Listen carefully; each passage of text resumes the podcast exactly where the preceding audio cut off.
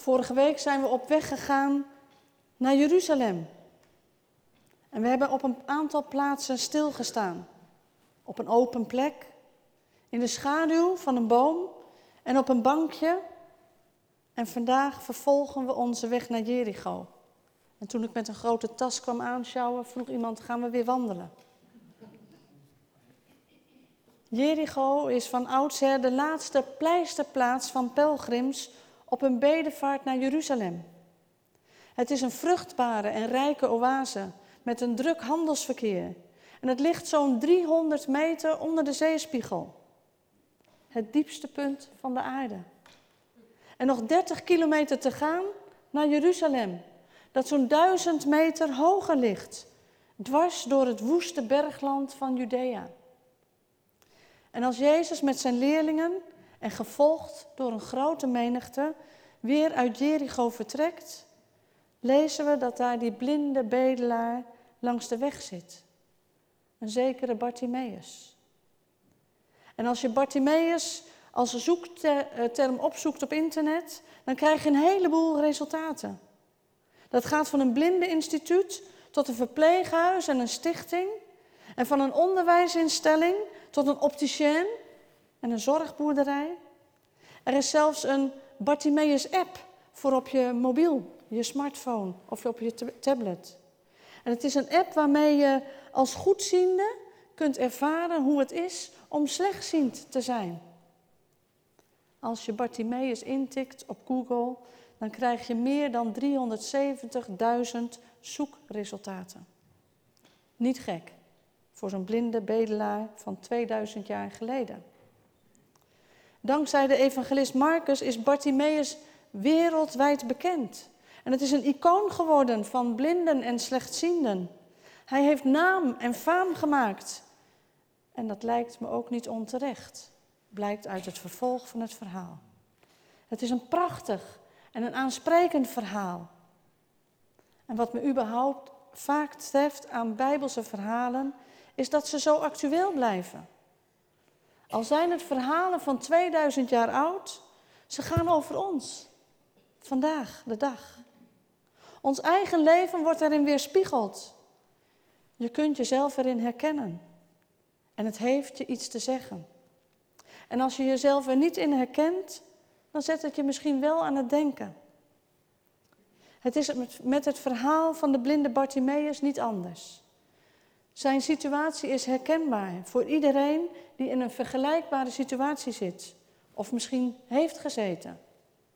Iedereen die weet hoe het is om ziek te zijn of aan de kant te staan en niet te weten hoe die verder moet. En voor al die mensen, en misschien bent u er een van, is dit verhaal een opsteker, een richtingwijzer. Maar ook als u zich niet herkent in die figuur van Bartimaeus, als het je goed gaat en als je je sterk en gezond voelt, ook dan biedt dit verhaal stof tot nadenken en kun je er wat van opsteken. Bartimaeus is de zoon van Timaeus en hij is blind. En dat is voor hem in veel opzichten een ramp. Want om in leven te blijven is hij afhankelijk van de goedheid van anderen. En hij kan niet anders dan bedelen. En hij slijt zijn dagen hulpeloos langs de weg. Hij zit letterlijk aan de kant. En hij doet niet mee aan het echte leven. Dat echte leven trekt dagelijks als een stoet aan hem voorbij. Hordes mensen, allemaal op weg, wie weet waar naartoe.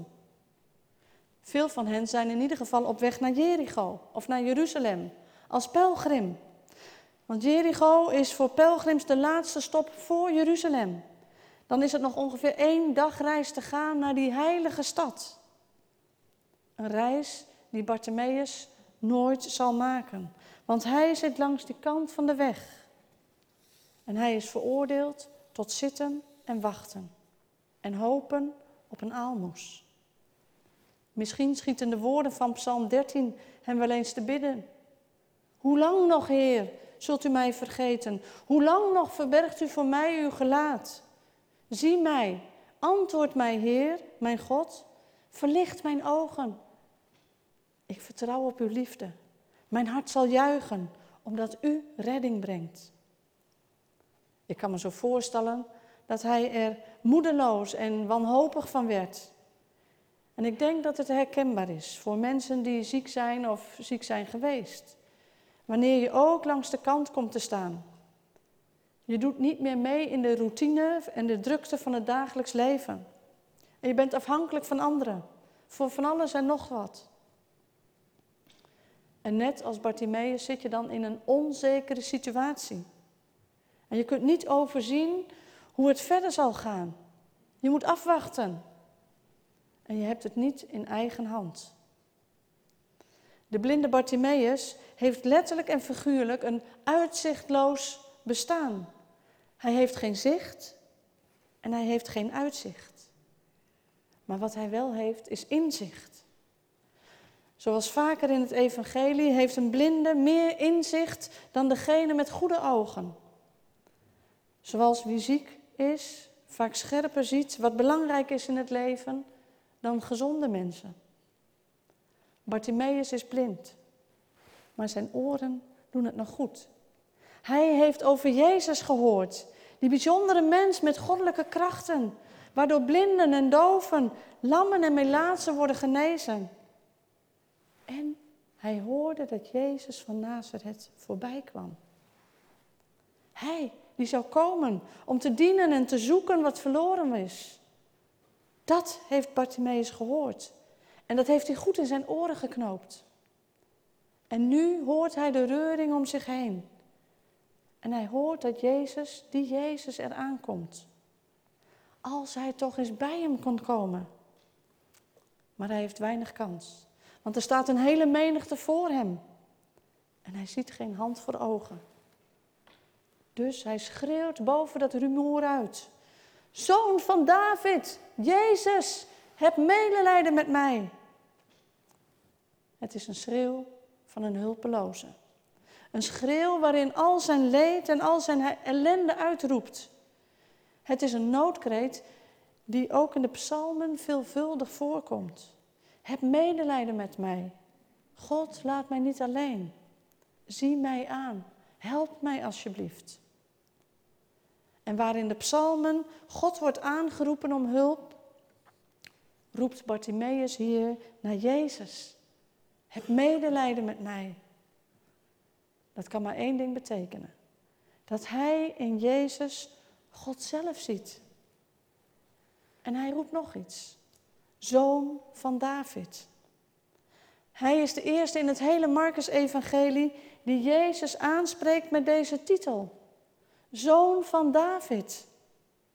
En zo toont deze blinde man dat hij ziet wat de rest nog niet ziet.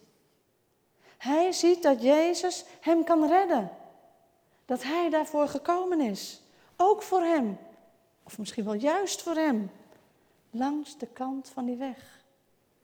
Die hulpeloze voelt feilloos aan. Wie hem kan helpen. Maar de mensen om hem heen, die omstanders, die denken daar heel anders over. Ze snauwen hem toe dat hij zijn mond moet houden. Die blinde man, die vinden ze maar lastig en hij verstoort een beetje die feestelijke sfeer. Op de een of andere manier vinden mensen het vaak lastig om met zieke of met gehandicapte mensen om te gaan. En ik weet niet of u dat herkent, maar ik hoor het geregeld. Zoals de cabaretier Herman Vinkers eens zei: Als je ziek wordt, dan kom je erachter wat anderen mankeren. Want die anderen worden herinnerd aan hun eigen kwetsbaarheid. En dat is lastig. Sommige mensen op wie je rekent voor steun en aandacht, die geven niet thuis. Die haken af. En ze komen niet op bezoek. Of ze komen wel, maar ze luisteren niet echt. En ze proberen zo snel mogelijk een positieve draai te geven aan jouw verhaal. Van joh, het komt allemaal wel goed. Misschien soms ook uit onmacht. En niet weten hoe je met de situatie om moet gaan. En gelukkig zijn er ook anderen.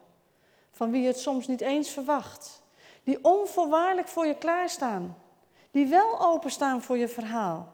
En vragen, hoe is het nu met je? En wat kan ik voor je doen? De mensen die om Bartimaeus heen staan, die leggen hem het liefst het zwijgen op. Maar hij laat zich de mond niet snoeren. Want hij gelooft dat zijn leven kan veranderen. En dat geloof, dat is zijn redding. Hij schreeuwt nogmaals, nog harder. En dan hoort Jezus hem. En dan klinkt drie keer achter elkaar het woord roepen. Jezus blijft staan. En hij zegt, roep hem. En de omstanders roepen hem en zeggen, houd moed, sta op, hij roept u. Die omstanders doen wat Jezus zegt. Want zelf weten ze niet wat ze moeten doen en wat ze moeten zeggen. Eerst vinden ze maar dat die man zijn mond moet houden en Jezus met rust moeten laten. En nu moedigen ze hem aan om naar Jezus toe te gaan. En eigenlijk herhalen ze de woorden van Jezus zelf. Toen de leerlingen in die boot zaten, in die storm op het meer. Houd moed. Bartimeus die was niet uit op een aalmoes. Hij springt op en hij laat zijn hele bezit, zijn mantel achter zich. Hij gooit die mantel van, van zich af, lezen we. En hij gaat naar Jezus.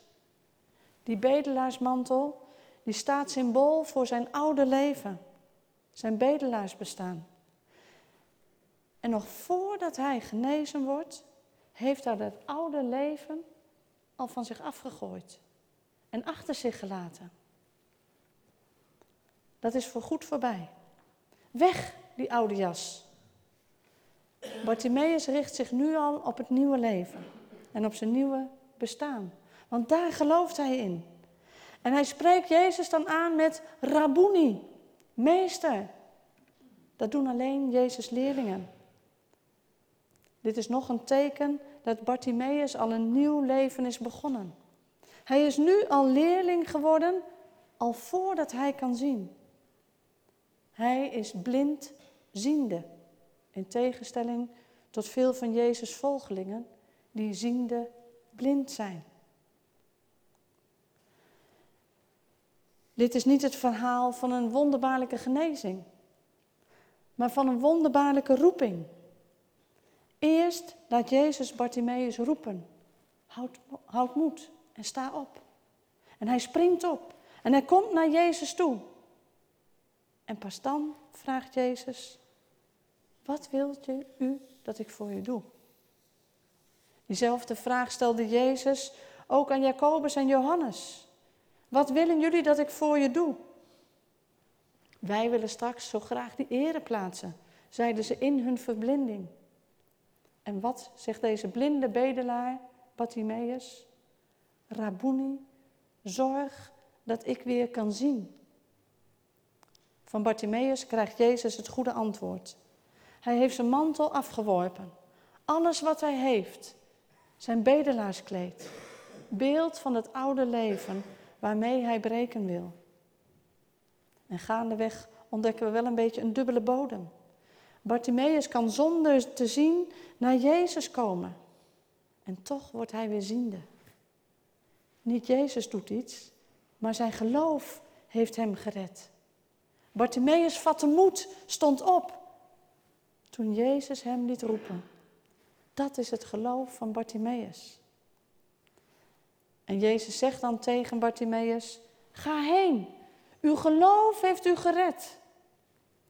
En dat is het moment waarop zijn ogen opengaan. Hij had het inzicht al. En nu heeft hij ook het uitzicht. Het uitzicht op dat nieuwe bestaan. Ga heen, zegt Jezus. Maar Bartimaeus doet het tegenovergestelde. Hij gaat niet heen, maar hij gaat met Jezus mee. Hij volgt Jezus op zijn weg naar Jeruzalem. Dat is zijn nieuwe leven, een nieuw bestaan. Met andere woorden, zien doet geloof, doet volgen. Wie ziet dat Jezus de zoon van David is, die, die zit niet meer langer langs de weg, maar die is op de weg.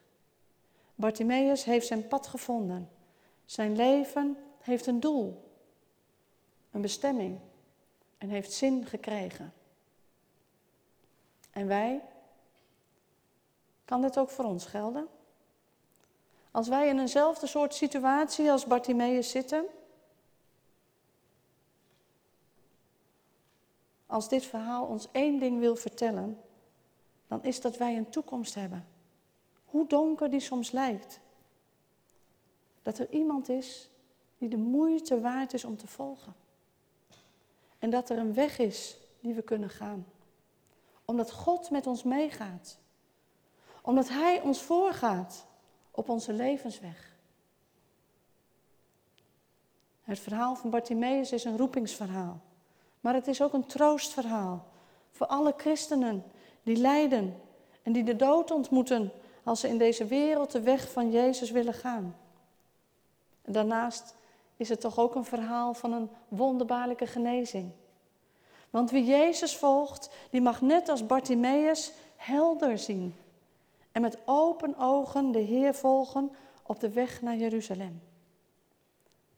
En als volgelingen van Jezus mogen we ook tegen iemand die we langs de weg zien zitten roepen: Houd moed, sta op, want Hij roept ook jou. Uw geloof heeft u gered, zegt Jezus. Want geloof, dat maakt een wereld van verschil. Amen.